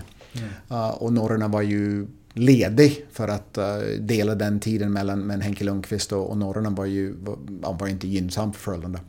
Uh, och då var vi tvungna att ta bort en målvakt. Och Micke och jag var ju, är fortfarande alltså, kompisar. Mm. Uh, men det var svårt. Alltså, min fru och hans fru Camilla var ju kompisar. Mm. Um, och, och, att säga nu får du lämna. Den, den var ingen kul situation. De andra killarna som jag, som jag inte kände på samma sätt, det var ju inget större dilemma. Alltså, mm. Man gillar vissa spelare bättre än andra men, men um, Micke var ju tuff. Hur var det då? Alltså med, när du meddelade till Micke, hur gick det? Han, han gick utanför dörren, det här var på en resa och han gick utanför dörren och hoppade i en hyrbil och körde hem till Linköping åtta timmar. Aha, okay. så, så, så han var inte så jättenöjd. Uh-huh. Den har blivit bra, vi har pratat ut och vi, ja, vi, vi har kontakt med varandra ganska, ganska uh, relativt ofta. Han har varit i Tingsryd och, och tränat och jag jobbar med Simor så vi ser varandra och pratar jättemycket. Men den, den, var, den var svår. Um, att tala om för en person som ser sig som en vän att nej tyvärr får det gå. Mm. Tur nog var det så såklart att Fredrik Norrena var ju bättre. Mm. Det hade varit mycket svårare om det var ju en 50-50 val. Mm. Men Norrena var ju under den tiden av Linköpings tid den viktigaste spelare. Mm. Och vi valde mellan Jonathan Hedström som är på väg hem från NHL. Vi hade 200 000 kronor kvar i vår budget. Eller Fredrik Norrena. Mm. Och jag minns ju att Christer Mård sa till mig, vem ger oss mer poäng? Ja, hur, hur, tänker du nu då? Ja, vi kommer behöva 12 poäng. Det är skillnaden mellan att spela i kvalspel eller gå till slutspel. Vilken av de här spelare ger oss 12 poäng? Mer. Mm. Och då norrarna. Ja, men fixa det. Um, vi kommer säkert komma tillbaka till uh, lite grejer. För den här andra delen som jag kör med alla, det är lite så bästa du har spelat med och bästa du har mött och eh, ja, allt sånt. Eh, och jag tänker, och det är bra för er som lyssnar också, veta att här eh, här kör vi nog både som spelare och som ledare. Eller kanske en blandning. Vi får se var vi hamnar. Men första frågan i alla fall. Förutom Foppasudden och Lidas, vem håller du som Sveriges bästa spelare genom alla tider? Plockar bort ettan, tvåan och trean. Mm. Uh, Sveriges främsta spelare utan de tre. Wow. Det är skönt att man kan klippa den här för då kan, då kan, man, då kan, man, då kan man vänta. Uh, är, det, är det Näslund då? Eller är det... Jag säger faktiskt Jörgen Jönsson. Mm. Uh, han fick ingen jättekarriär i Nordamerika. Men jag anser honom som den bästa spelare som har spelat i svensk ishockey över de säsongerna som jag var aktiv i Sverige. Ja, och det finns ju många att jämföra med och, och om jag bortser då från, från NHL-spelare för att man kan definitivt argumentera Marcus Näslund, mm. um, Sedin-bröderna. Definitivt. Men jag har ingen riktig relation till dem för de var ju över i Nordamerika när jag spelade i Sverige. Men mm. Jörgen var ju här hemma och jag tyckte han var bra. Davidsson som en nära tvåa Mm. Men, men Färjestads första kedja med, med, med Jönsson, det, det, det, var ingenting att eh, slå faktiskt. De var outstanding. Förutom eh, Wayne Gretzky och Mario Lemieux, vem tycker du är världens bästa genom tiderna? Steve Eiserman. Och det är bara kärlek. ja, det känns som en... eh, Alltså förutom eh, liksom eh, kopplingar med... eh, Ja men Michigan och hela faderullan och Detroit och liksom så, så är det ju... eh, eh, Det känns som en spelartyp som du gillade, gillar väldigt mycket. Steve Eisenman var i Detroit i 20 år. Hur många spelare på den proffsnivå har spelat i en och samma förening eller en och samma klubb i så många år? Då har man gjort någonting rätt. Uh, att, man, att jag fick spela i Linköping i tio säsonger. Jag är stolt över det. Att jag inte gjort bort mig. Eller jag gjorde rätt saker. Jag fick vara med. Och sen som ledare också. Det, är 22 av mitt liv fick jag vara där. Uh, Eisenman, jag känner inte honom. Jag har aldrig träffat honom. Uh, men, men han gjorde ju det. Sen alltså, Jager skulle man kunna... Alltså, var han på listan eller fick jag välja honom? Alltså, det, det, det finns ju så många spelare som var... Chris Chelios lyssnade på en podcast igår kväll om... och, och han vann ju uh, ja, Norris Trophy två gånger. Um, skulle det vara han som en amerikan? Ja, det, det finns ju så många spelare vi skulle kunna argumentera. Um, men, men nej, jag säger Steve. Han har ju varit en bra ledare också, Iceman. Än Han så är- länge i alla fall. Nu får vi se vad han gör i Det, Detroit. det ska bli väldigt intressant. I Tampa var det väl, han gjorde det bra men han hade ju också bra material att jobba med. Men är det inte det som är grejen? Eh, Att skapa, att skapa ett lag där folk kan dela på den där peng, pengar. Mm. Så Detroits framgångar eh, var ju att de hade ju ett antal svenskar som Ken Hallen tog in i ett rum och sa Hej alla, vill ni alla ha maxlön, då Mm. måste två av er flytta. Men om ni alla kan gå ner någon miljon dollar, Mm. då kan ni alla vara kvar och då kan vi vinna Stanley Cup. Mm. Och det är en övertalningsprocess med, med alla inblandade. Vem är, vad är man värd? Hur mycket pengar ska man få? Men så länge att en spelare um, alltid vill ha max betalt, då kommer de aldrig vara i ett lag som kommer att vinna. För att de kommer inte ha råd att ha komplementspelare på den nivån för att vinna Stanley Cup. Och då är det frågan, är det värt den extra miljon dollar eller två eller vad det kan vara och förlora varje dag, eller mer än man vinner. För att jag hävdar att de spelarna som vinner mer, de mår bättre. Jag mådde ju så mycket bättre när vi vann hockeymatchen. Livet var så mycket enklare. Det var ju mer sol ute. Det var ju lättare dag att gå upp. Alltså, eh, frukosten smakade bättre. Allting var bättre. Vad är det värd för att vara i ett vinnande lag? Jag hävdar att det är ju en 20% lönesänkning. Nu är det så att jag spelar inte i NHL och har inte en chans att tjäna 10, 12, 14 miljoner dollar. Men jag hade ju hellre tagit 10 miljoner dollar i ett lag som går mot Stanley Cup varje dag, eller varje år, än att ha maxlön och inte vinna. För det handlar ju om upplevelser också. Alltså och minnen. Minnen, Alltså- men, men det är också att hur, hur jag beter mig med min familj. Hur, hur, hur jag beter mig mot folk runt omkring. Och, och de hockey, alltså gå till Timrå idag. Och herregud, alla mår bra. De skrattar, de har roligt, de tycker det är, livet är fantastiskt. Men de också ligger i toppen av tabellen.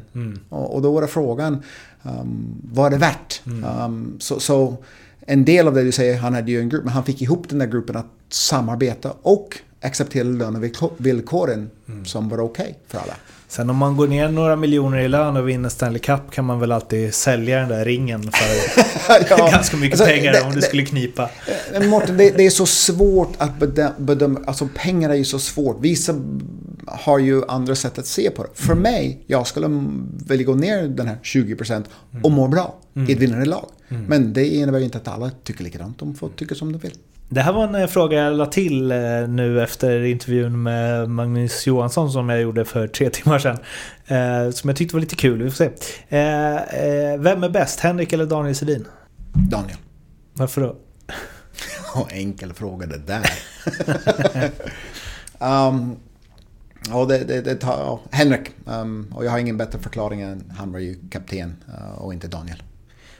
Och han var ju liksom... mm, Ja, men, eh, mer ansvarig åt båda håll, tänker jag. Av någon anledning blev han vald till kapten och inte Daniel. Och jag, jag känner inte dem, jag, jag har ingen relation till dem. Fantastiska ishockeyspelare som, som kunde leka puck tillsammans hur länge som helst i NHL. Um, de får ju extremt mycket beröm för, för det de har gjort um, i Vancouver. Um, men av någon anledning var Henrik kapten. Om du får tänka helt fritt, vilken regeländring hade du velat testa någon match inom hockeyn? För att se hur det ser ut. Jag skulle vilja göra midzonen större igen. Jag tycker nog att det finns för mycket yta i ytterzonerna. Att pucken går ju på utkanten runt och runt och runt och runt. Och man håller sig i mitten i en, ja, vad säger man, en femma på en tärning. Och håller sig utanför. Jag tycker att det har blivit tråkigt. Jag tycker att skottäckningar är ju en konst, men den är inte bra för hockey. Jag skulle gärna vilja att pucken skulle kunna komma igenom mer mot mål och skapa fler målchanser. Folk har blivit så bra på att täcka skott idag.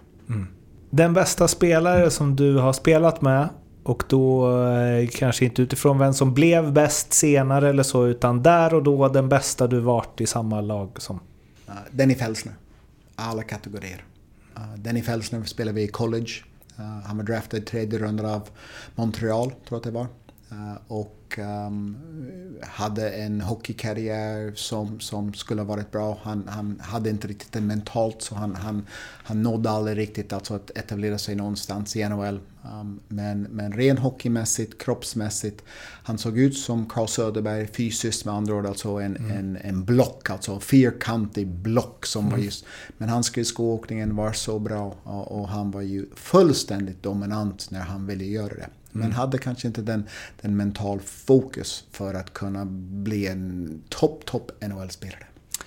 Vem är den bästa du har mött? Mike Medano. När var det?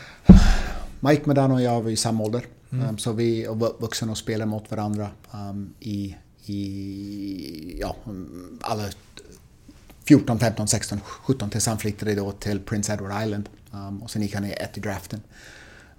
Jag minns ju att alltså, han var ju... Han, Elias Pettersson. Tänk så, när, när han var ju i den åldern. Han såg ut som Elias Pettersson, alltså skramig och, och, och, och svag och, och tunn. Men oh herregud vad han kunde åka skridskor och vad han kunde göra bra saker på banan. Och, uh, jag, jag minns ju faktiskt en... en eh, ja, han- vann en match med, med två minuter kvar. Vi, vi ledde med ett mål, han gick ut och gjorde två mål och vi alla bara satt där med, med munnen uppe. Och vad, vad hände? Alltså, hur gjorde vi? Um, han är ju eh, USAs bästa spelare någonsin. Det är så? Ja. Nej, jag kan vara svensk och säga jag tycker det. Jag bara, jag, så, så jag kan lämna öppet för, för någon annan. Men, men för mig, Mike Medano, som jag, ja, jag spelat som ungdom jättemycket med. Eller mot. Den bästa spelare som du har eh, värvat? Tony Mortensson. Nej. Tony Mortensson är ju, är ju den spelare som, som hade på något sätt allt som en hockeyspelare skulle kunna ha i skicklighetsmässigt. Hans, hans eh, tempoökning um, framåt var fantastiskt. Nu är det så att jag separerar då och håller undan från 2004 säsong då Brandon Morrison kom till Linköping. För att Brandon Morrison var ju den bästa spelaren som jag har ju värvat. Men det var ju för NHL lockout-säsong så jag pratar svenska spelare. Um, Men Knubbel och Morrison tillsammans med Henrik Talinder, Christian Huselius. Wow, säger jag. Den, den var ju den roligaste tid att titta på hockey i Linköping när de fem tillsammans med Magnus Johansson. Um, det, det var ju svensk ishockeys bästa säsong någonsin. Om du får plocka ut tre stycken spelare som du antingen har spelat med eller haft ansvar över som, eh, som klubbdirektör och så. Som bara etsat sig fast lite extra. Som du minns lite extra på olika sätt. Vilka tre blir det? Min svåger, Mattias Nillema. Vi, vi eh, lärde känna varandra um, när han kom till Linköping. Mitt tredje år blir det. Um, och, och sen gifte jag mig med hans syster förstås, vilket innebar att, att vi har ju varit kompisar sen, ja, sen dess och, och, och hängt jättemycket. Um, så, så det är definitivt den ena. Måste jag då ta um, Mange Johansson. Och, och Mange har, och jag har aldrig varit jättekompisar eller hängt med. Det är bara att hans karriär är så fantastiskt häftigt att se. Och, och jag tycker att han var så extremt skicklig som hockeyspelare. Eh, vilket man såg när han var 18 men det var ingen annan som såg det riktigt tills Bostedt på något sätt upptäckte honom. Så, så Mange är ju, är ju en spelare som, som, som sagt bäst i Linköpings historia men så fantastiskt häftigt att se hur han bara gled fram i olika sammanhang och, och kunde lösa olika situationer. Så, så otroligt skickligt. Den sista skulle jag då, då bryter jag lite din mönster och, och säger just den där som, som jag pratade om. Den säsongen som var den bland de bästa som, som fanns i svensk ishockey men också för, för oss i Linköping bland det värsta som hände. um, var just alltså de här spelarna som, som kom hem från NHL och, och i, vi i Linköping hade ju Talinder som kom till Linköping som sista spelaren som inte fick kontrakt någon annanstans. Mm. Huselius fick inte vara i Frölunda för Frölunda tog hem alla sina egna spelare. Mm. Och sen fick vi en just Mike och, och Brendan. Um, den, den, den kedjan. Um, i, ah, det, jag har aldrig sett bättre hockey i hela mitt liv. När de, när de fem spelar. Om du får plocka ut tre motståndare. Eh, antingen eh, spelare som du mött eller spelare som ni stötte på när du var klubbdirektör mycket. Men tre mot... Eller liksom... Det kan vara tränare också. Eller liksom tre rivaler mm. som har betytt något. Larry Pilot. Mm. Larry Pilot och spelade i Tingsryd och um, var ju, ja, han var ju kung där nere och han var ju kung i Hockeyallsvenskan och Karn kunde inte åka skridskor men, men, men han kunde dribbla, passa. Han, han, han hade ju, när han hade ju pucken, han, han satte ju den alltid mellan, din, e- alltså mellan mina ben. Alltså, så, så jag kunde inte komma åt pucken. Så, så, så han dribblar och jag åker skridskor och han har pucken mellan mina ben. Alltså det, det, eh, helt otroligt hur, hur skicklig han var för att vara en sån eh, urusel skridskoåkare på något sätt. Han, ja, jag fattar inte hur han tog, tog sig fram på något sätt. Men fullständigt eh, dominant. Um, jag tror nog till och med han hade ju kunnat platsa i SHL i den tiden. Jag tror Tony Bendelin funderade på att ta honom till, till AIK, men, men det blev inte så. Så, så för mig, min egen del, um, det, det, måste vara Larry. Uh, motståndare, uh, Johan Davidsson. Mm. Uh, och det, det handlar ju om finalspel som HV slog Linköping i. Vi ledde ju serien. Vi, vi var ju i en match vi ledde och jag minns ju att han gjorde ju ett mål där han drev upp pucken, klev in framför mål och gjorde mål. Och jag satt ju då bakom motståndarens, alltså bakom båda båsen. Ja, och när han åkte mot sitt eget bås kommer aldrig glömma um, hans ansiktsuttryck, hans vrål till sina lagkompisar. Nu, uh, ett antal år som jag behöver inte säga i det här, tar vi det här. Och han, alltså hans, hans ansikte var ju uh, så röd av adrenalin. Mm. Och jag tänkte, nej, mm. du får inte vakna nu. Men han, han gjorde det och, och vände serien. Och, och det, det var Johan Davidsson. Voutalainen Davidsson. Alltså, de, nej, de var ju riktigt bra. Den sista. Joakim Eriksson. Jocke Eriksson är ju en kille som spelar i Södertälje. Som vi möter ju jätteofta i de här olika kvalspel.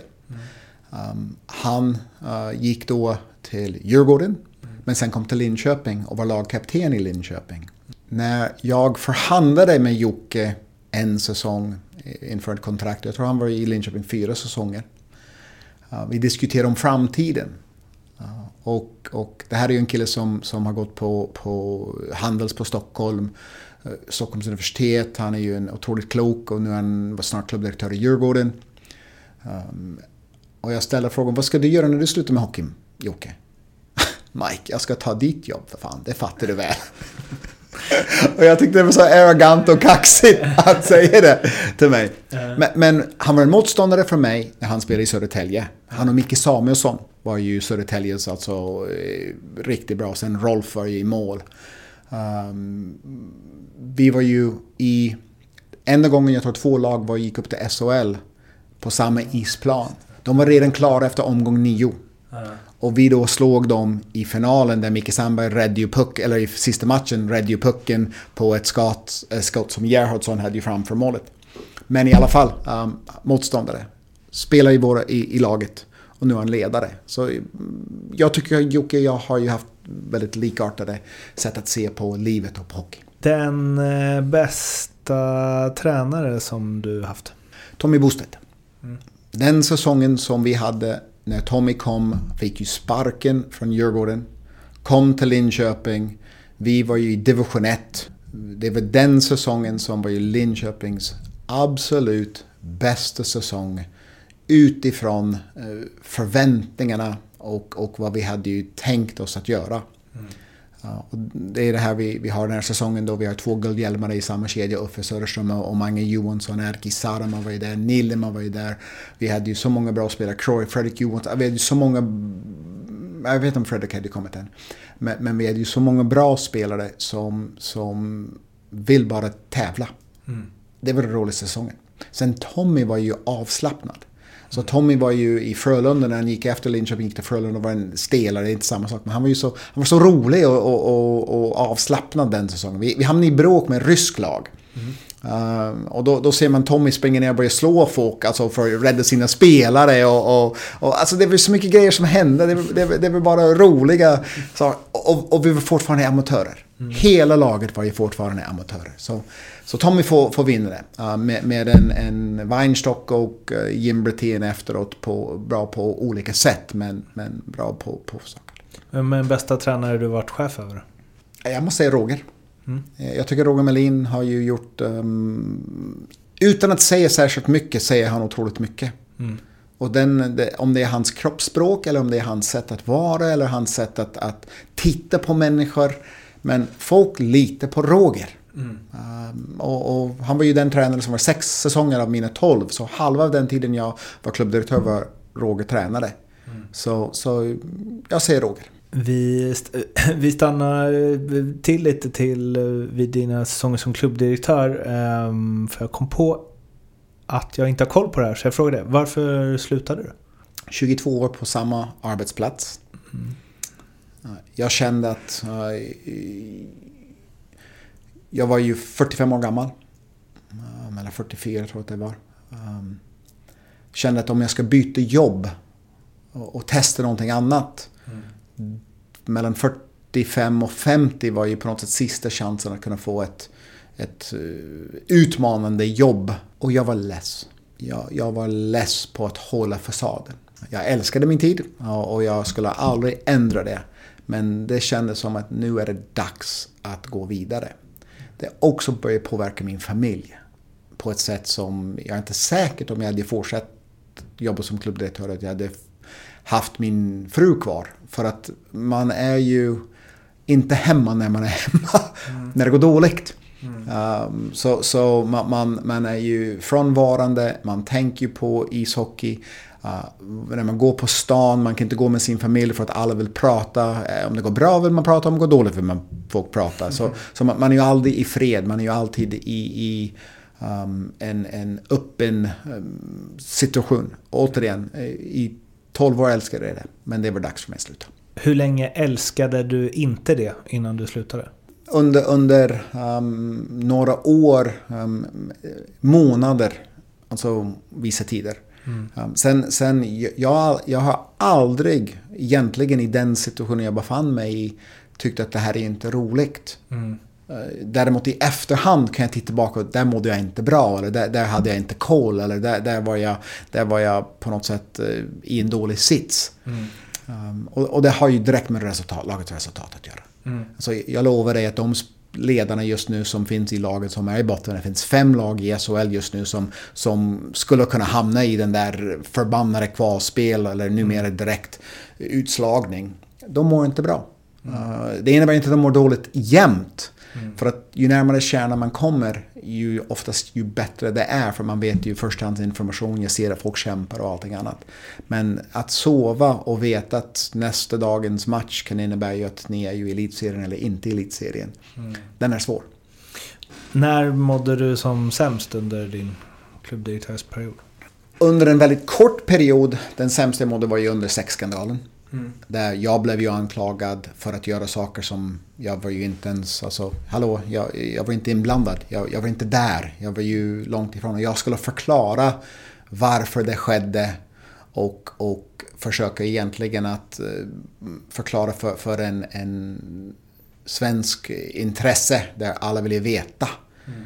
Um, och det här var ju saker som hände ju om familjen och, och, och, olika situationer som blev väldigt svårt för, för ett antal spelare och deras familjer. Mm. Och jag skulle hamna i mitt emellan det där och, och, och hantera det. Mm. Um, både massmedialt och, och, annat. Samtidigt som man hade ju då um, den ena sidan som, som av, av sponsorer som tyckte att det var förfärligt och man kan inte göra detta. Mm. Medan hälften sa, men hallå, eh, om vi ska prata om otrogen, om det är det som ska avgöra, då, då kommer jag ha jättesvårt att ha folk på mitt arbetsplats. Eller det, kan innebära, det händer ju hela tiden med, med folk som, som har valt att, att um, vara ihop med någon annan. Mm. Så varför ska du som hockeyledare bedöma av dina anställda. Det var verkligen 50-50.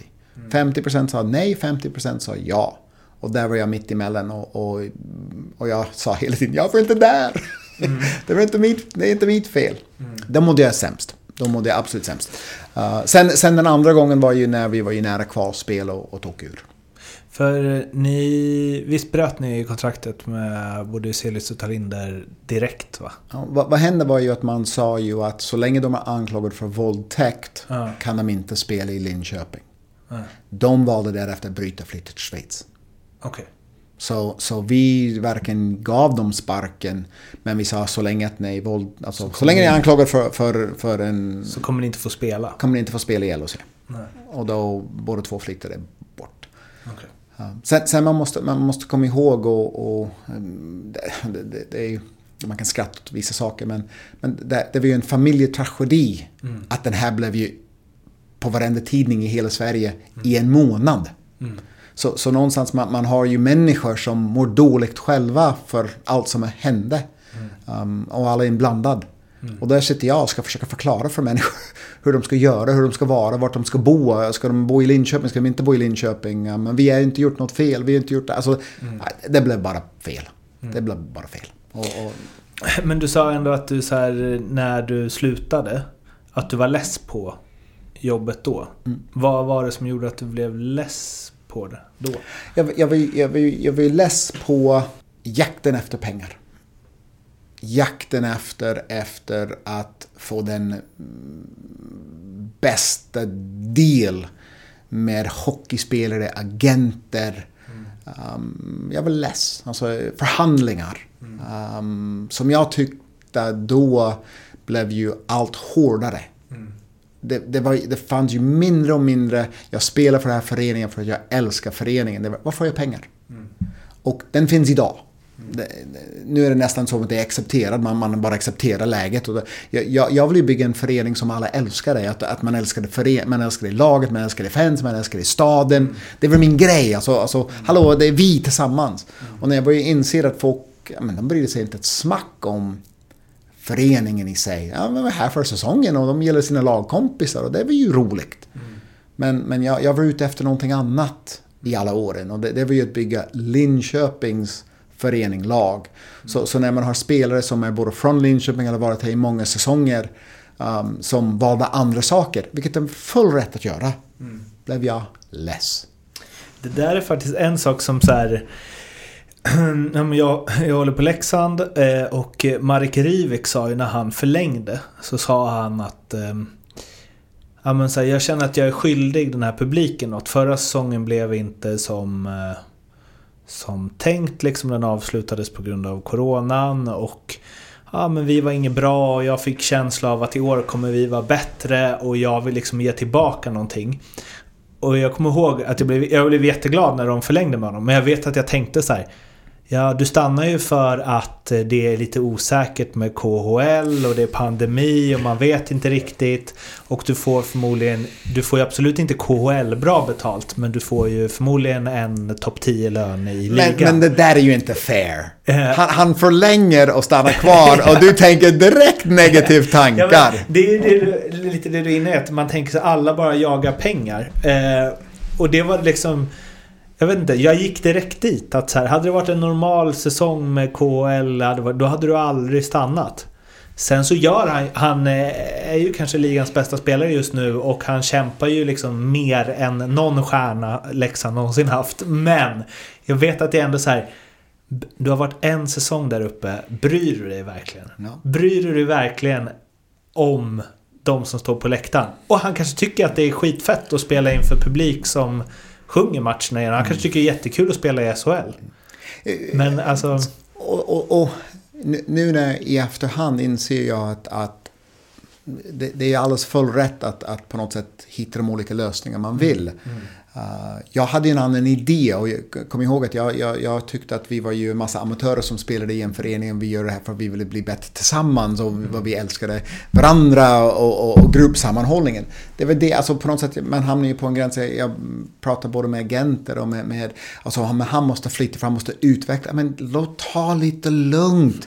Vänta in två månader, det, alltså allting behöver inte ha rörelse hit och dit och det blev ju rörligt, alla ska flytta eller man ska ut och spela tre matcher dit och fem matcher dit och in. Nu har det blivit accepterat att så fungerar verksamheten. Då var det inte så. Jag, jag, jag bara tyckte det var irriterande. Och, och mm. det, det, är klart att också jag hade ju väldigt starka åsikter över hur saker ska vara. Mm. Och för mig förändring kanske var ju svår. Och jag var ju tillräckligt klok att inse det är kanske så att jag måste backa undan och, och låta någon annan göra det här än, än, vad jag gör. För att utifrån min åsikt eller mitt sätt att se på det, det var fel. Mm. Men det är klart det inte var fel. Det är utveckling. Mm. Och därför, alltså det är väl dags. Och mm. jag tycker, som sagt, jag, jag gör det drygt 12 år och jag var 44 år gammal så jag hade ju mycket tid kvar att göra något annat. Mm.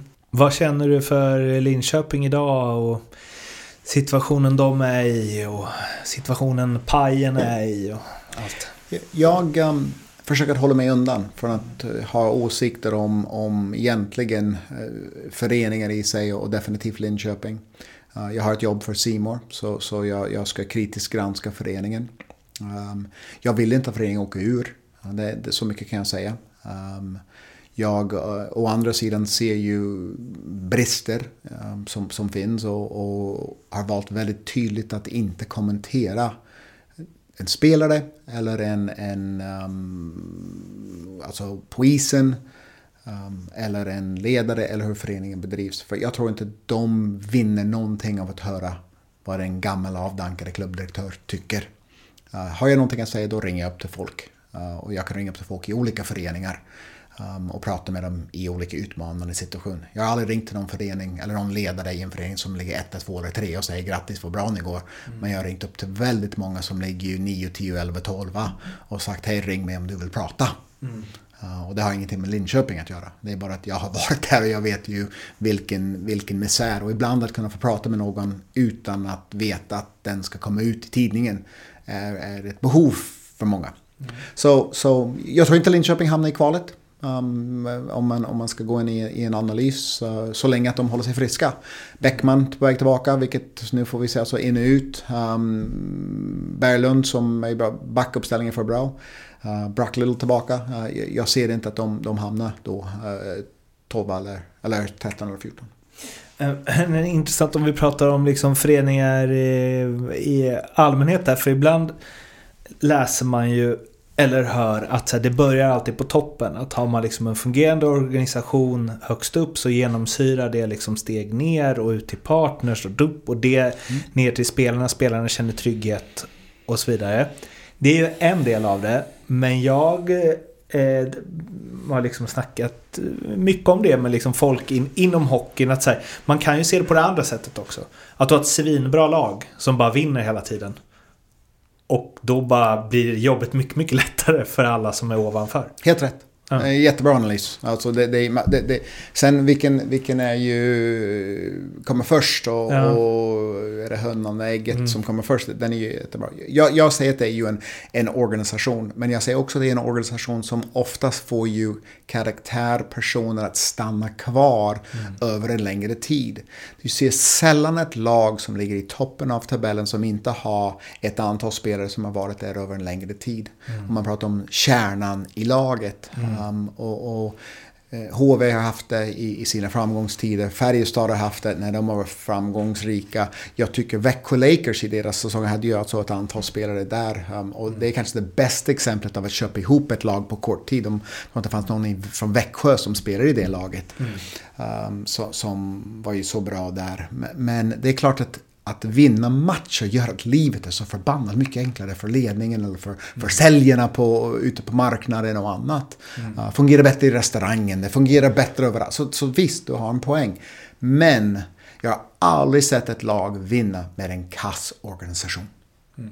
Det har aldrig funnits alltså en organisation som säger, oh, men hur fick de ihop det där? Det är alltid så att det finns en stabil ledarskap mm. i en förening när man vinner SM-guld. Eller går till final. Eller gått fram. man, man ser aldrig ett lag som vinner guld utan en bra organisation. Däremot, det finns lag som har varit i botten av tabellen med en bra organisation. Lika mycket, det finns inget lag som vinner guld utan ganska mycket pengar. Mm. Däremot, ganska mycket pengar kan innebära ju också kvalspel. Mm. Den enda laget som jag tycker har ju vunnit guld sen jag har varit i Sverige eller som jag har varit medveten om den här. Det enda man kanske kan säga som gör det med, med en ganska låg budget var Brynäs. Mm. Men då hade man Jakob Silverberg mm. som var ju outstanding. Mm. Um, och det laget rent kostnadsmässigt gissar jag är ju den billigaste lag som har vunnit SM-guld de senaste 20 åren i relation till andra lagen. Alltså mm. det här är en budget säger på mm. 7, 8, 9 plats mm. någonstans. Mm. Där de vann då. Och det har, alla andra vinnare ligger ju. Mm. Alltså Frölunda har ju ligget bland de dyraste lagen i alla år. Men mm. de har ju också en jättebra organisation.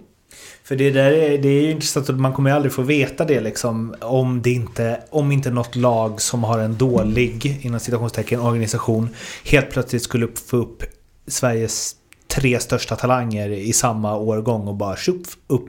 Men om man, säger, om man hade kunnat flytta liksom Chicagos, eh, eller Colorados första femma rätt in i den, den sämsta organisationen i SHL så skulle man ju kunna argumentera för att den organisationen kanske skulle kunna växa och få en lugn och en trygghet och kunna utvecklas i en lugn takt för att laget börjar vinna massa matcher och helt plötsligt blir företag intresserade av att bidra med mer pengar och man kan, alltså det kommer ju aldrig att hända och det är väl därför det ofta börjar där uppe.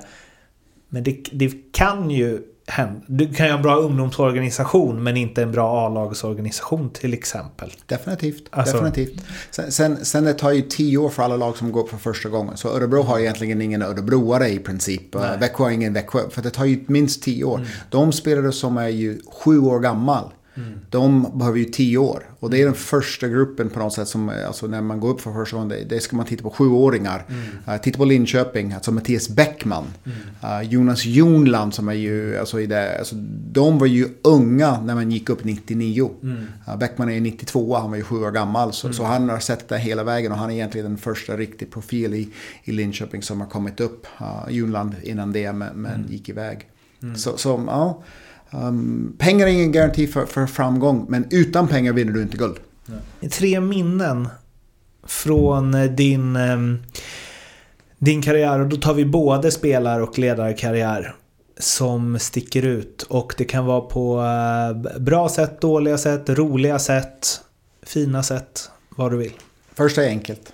Eh, Mora 99, uppgång till Eh, elitserien för första gången. Ulf Weinstock, Niklas Schenecki som tränade uh, och det laget, det, det, var ju, det var ju vad vi jobbade för i, i så många år och, och, och äntligen var vi där. Um, och, um, så den är etta och egentligen tvåan och trean på listan om man ska säga så. Men, men eh, jag tar då första finalen mm. uh, 2007. Um, fullsatt arena, uppvärmning, hemmaplan. Och man tittar runt och tänkte vi har lyckats. Jag minns ju så väl, jag, jag satt i min stol. Varenda sittplats var full. Varje loge var full. Restaurangen var full. Alltså det var ju... Det, det är så mycket folk du kan få in i den arenan så du skulle aldrig kunna få in mer. För en hockeymatch i alla fall. Och jag satt och tittade och jag, jag minns jag satt faktiskt nästan, ja, kändes det i alla fall som ett antal minuter. Där jag bara tittade runt i arenan och sa ja, vi har faktiskt lyckats nu. Mm um, att få till en, en idrottsstad i Linköping. Mm. Det är ju tvåa. Uh, trea då, vad, vad, vad, skulle den, den tredje vara? Jag säger ju faktiskt 1993 i kvalspel gick vi upp till division 1 mot Tingsryd på bortaplan. Tingsryd efter de vann alla deras matcher spelade Tina Turners Simply the best. Mm. Jag hatade den där sången för att vi förlorade alltid där. Men den matchen Larry Pilot var skadad. Hade ju skadat sin axel. Så han kunde inte dribbla Han mellan kunde inte dribbla med ben. benen och vi slog dem 3-2. Och avancemang till division 1. Så det är de två avancemang som är i min topp tre. Alltså division 1, nu är det en helt annan nivå. Ja, division 2 till division 1. Och både vi och Tingsryd faktiskt gick upp det året. Um, och sen var det då finalen. Om du med all den erfarenhet du har av hockeyvärlden idag kunde åka tillbaks i tiden och träffa dig själv när du var 15 år. Vad hade du gett dig själv för tips då? Jobba mer på skridskoåkning. Det var min, det var min akilleshäl. Um, att dribbla, att skjuta, det, det kunde jag. Men jag minns ju att jag ogillade att åka skridskor på, på skridskor. Um, Träning.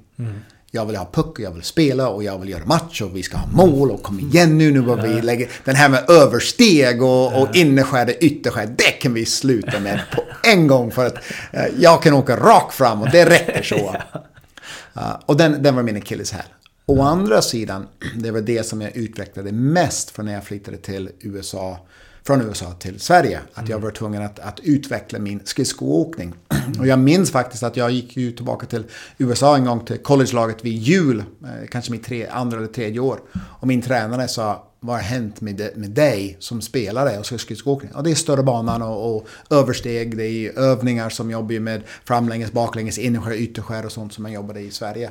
Och när jag var 22, 23, 24, då kunde jag jobba på skridskoåkningen. Men det var tio år för sent. Vem har betytt mest för din karriär? Min farsa. Uh, utan tvekan. Och, och det är ju mer bara, jag har fem syskon, vi är ju fem pojkar och sen min, min syster är, ju, är ju sist. Och vi alla har spelat hockey. Min syster har spelat uh, landhockey visserligen. Men, men han körde ju oss. Um, sen, sen är det teamarbete. Min mamma var hemma och fixade mat. Det är ju fem pojkar. Uh, tänk, tänk att fem killar som ska äta. Vi har ju en pojke hemma som är ju 17 och äter. Och tänk att vi var femma. Um, så hon fixade maten och sånt, men farsan körde oss runt och runt och runt och var tränare för alla lag. Både i, hockey och i, i baseball i princip. Så eh, han, han gav sitt liv till eh, hans barn. Och, och utan den möjligheten att kunna åka runt och runt och runt med, med detta um, hockeydröm hade det aldrig fungerat. Lever de idag? Jo, mina föräldrar är friska Ja. eh, och mår jättebra. Pappa är ju um, fyller 81 nu eh, snart och mamma är ju 79. Okej. Bor de i... Ann Arbor, min hemstad. Samma, samma hus som jag är uppvuxen i. Nej. Mm. Åh, så, wow. Så, så, så de, är ju, de är ju där och uh, Ann Arbor är ju känd för University of Michigan och det är största uh, utomhus fotbolls, ah. fotbollsanläggning. Men där har man spelat båda um, Winter Classic, Ah, Detroit. Toronto som har flest. Men också då en match, och det här, här får du en fråga tillbaka. Den största matchen innan det, 105 000 personer, college-lag, Michigan versus Michigan State. En svensk gjorde ju hattrick i den matchen med 105 000 personer. Vem var den spelaren, Martin? En svensk? Kom igen nu! Borde man veta det här? Det tycker jag faktiskt. Alltså, det, det är en annan resa att gå. Uh, okay, v- v- Södertälje kille. Alltså jag tänkte... Det första Han har vunnit flera var- Stanley Cups. Han har lång blond hår. Eller har haft det. Vadå, Hagelin? Japp. Aha, Carl- gjorde han hattrick i den? Aha. I den matchen Michigan mot Michigan State. Okej. Michigan vann, mitt lag, hans lag. 5-0 och han gjorde ju hattrick framför 1000, eller vad säger jag, 105 000.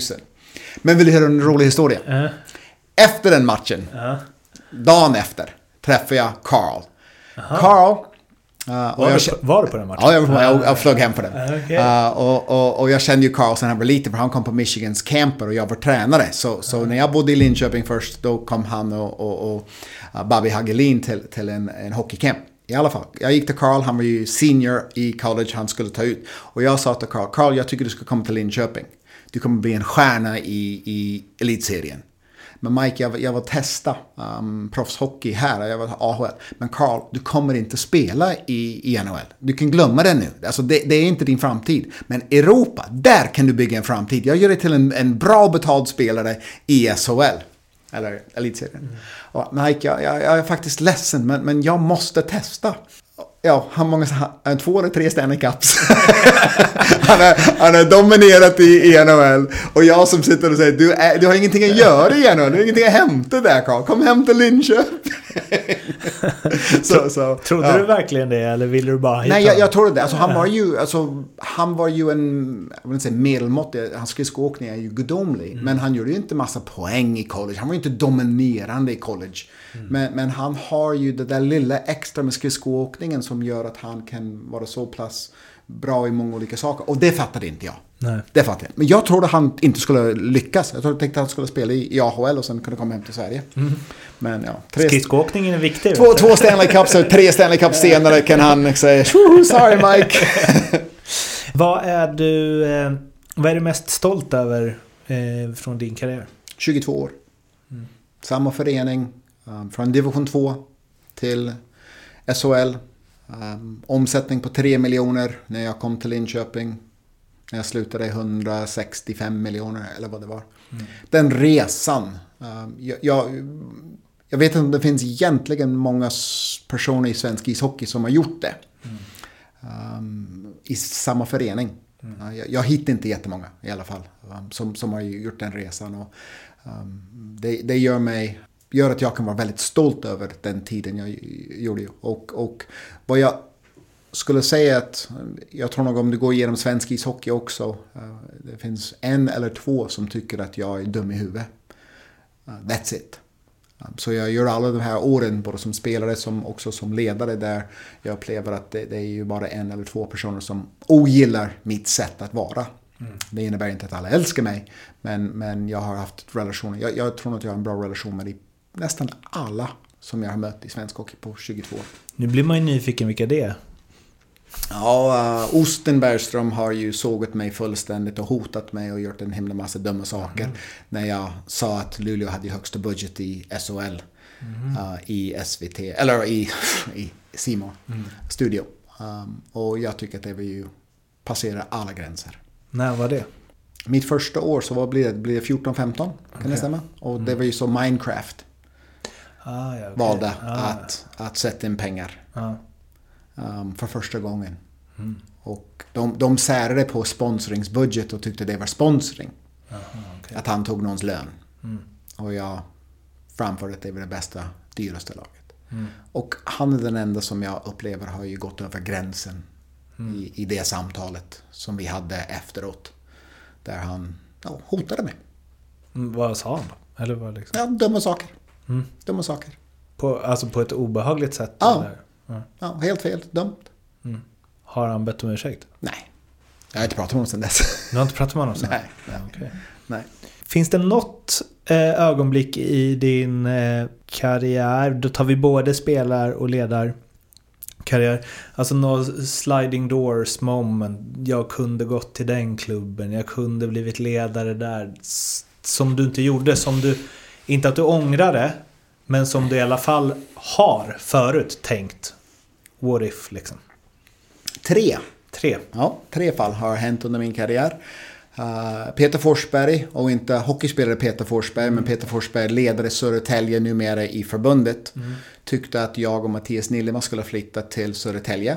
Um, vi var i Linköping i, i division 1 då, alltså i hockey på väg upp. Och, och um, de erbjöd oss båda uh, möjligheten att komma till Södertälje. Vi tackade nej, men, men det, det skulle vara en förändring. Och, och anledningen att jag tackade nej och Mattias också, det vi var på universitetet. Uh, fick ett erbjudande från Malmö för att komma dit. Uh, och jag ställde frågan hur kan jag plugga? Uh, det finns ju universitet alltså, i nära om det var Lund eller någonting annat. Och då sa han du kan inte plugga här för att vi tränar på dagtid. Så det blev inte heller. Nej, Men det, det är de två konkreta erbjudande som jag hade från an, andra SHL-klubbar. Som sa här får du och, och jag vet ju att Malmö hade ju gått upp då till 40 000 kronor. Var erbjudande för, för mitt kontrakt minns jag väl och jag tyckte wow det var ju mycket pengar det. så, så, eh, och, och den här är egentligen efter jag tror mitt tredje eller fjärde år. um, samtidigt som jag skrev ett långtidskontrakt med Linköping. Sen hade jag då ett erbjudande som klubbledare att flytta till Malmö. Uh, jag har en protokoll från, från uh, styrelsemöte i Malmö där jag bad att få en enhälligt beslut att jag skulle bli klubbdirektör. Av den enkla anledningen att jag vill inte i Malmös anda att någon skulle vända ryggen till mig när det inte gick bra. Och det här var ju då i samband när Hugo Stenbeck var ju i Linköping men sen skulle investera i Malmö. Uh, och jag hade ju ett kontrakt på bordet. Uh, jag hade ju ett styrelseprotokoll som sa att hela styrelsen har ju valt mig uh, enhälligt. Alla tyckte att jag skulle bli klubbdirektör. Mm. Uh, och um, jag valde att inte göra det. Varför då? Jag vill inte flytta min familj. Mm. För att göra det enkelt för mig. Um, sen det var ju... Ja, jag vill inte flytta min familj. Säg sådär. Var de i Hockeyallsvenskan? Nej, de är ju... De de är ju... De är i SHL. okej.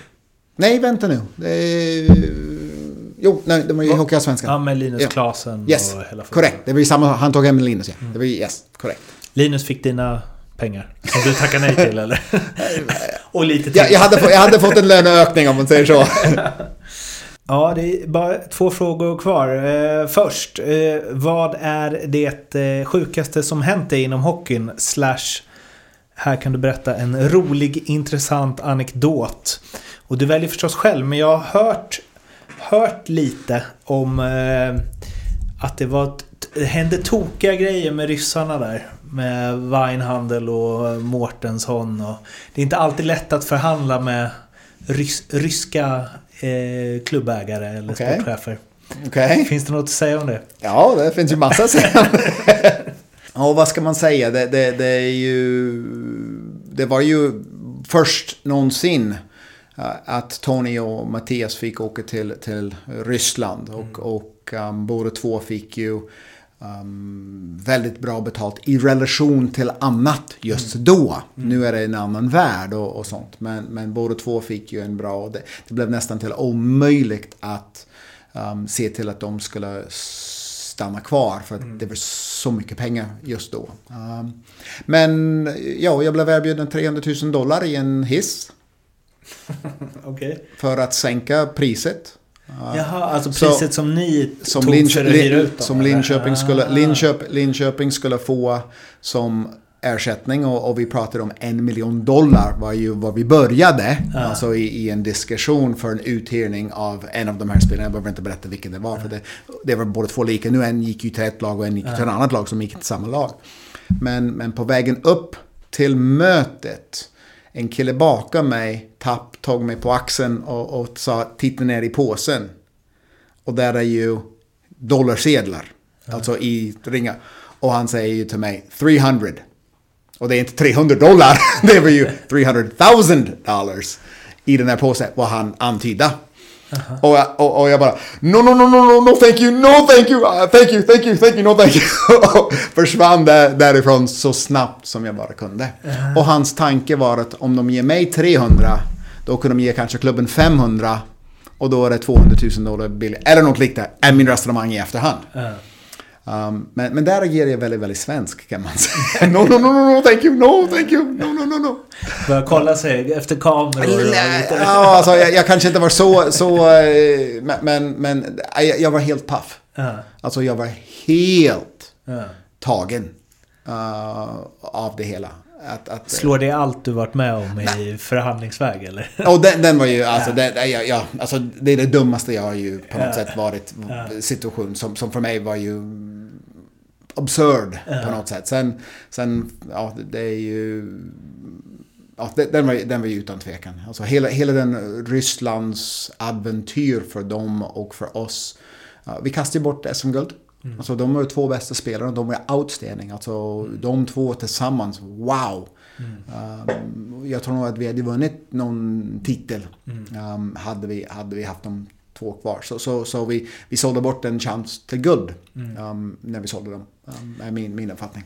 Men byggde inte de pengarna då Linköping på längre sikt? Ja, men vi var aldrig nära guld. Nej.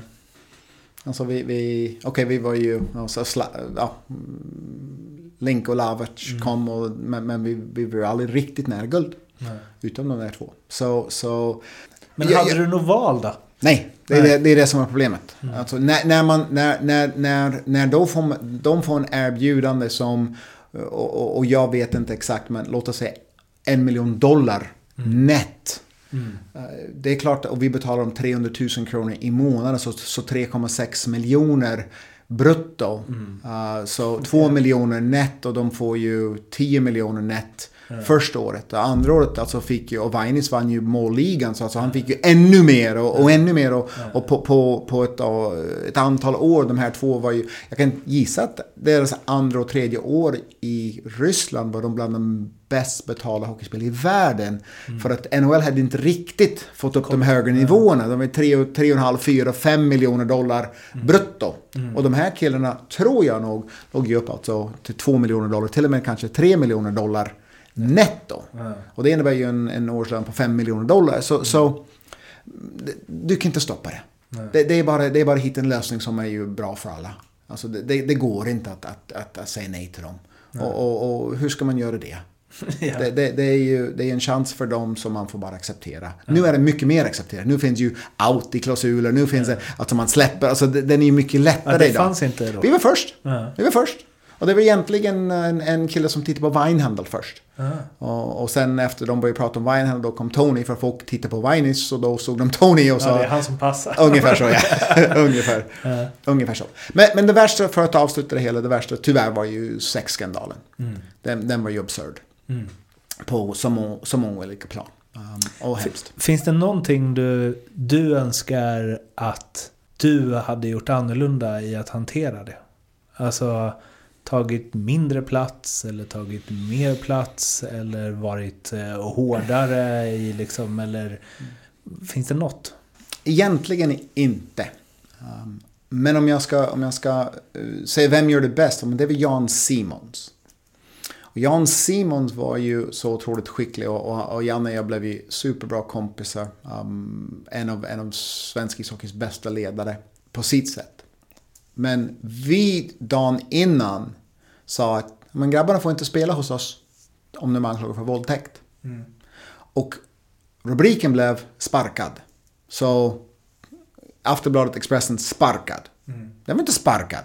Men de får inte spela mm. så länge de är Dagen därpå har Jan Simons en presskonferens med Andres, eller med, med, med Lilja. Mm. Andreas Lilja. Och han sitter där och sätter sin arm runt Andreas.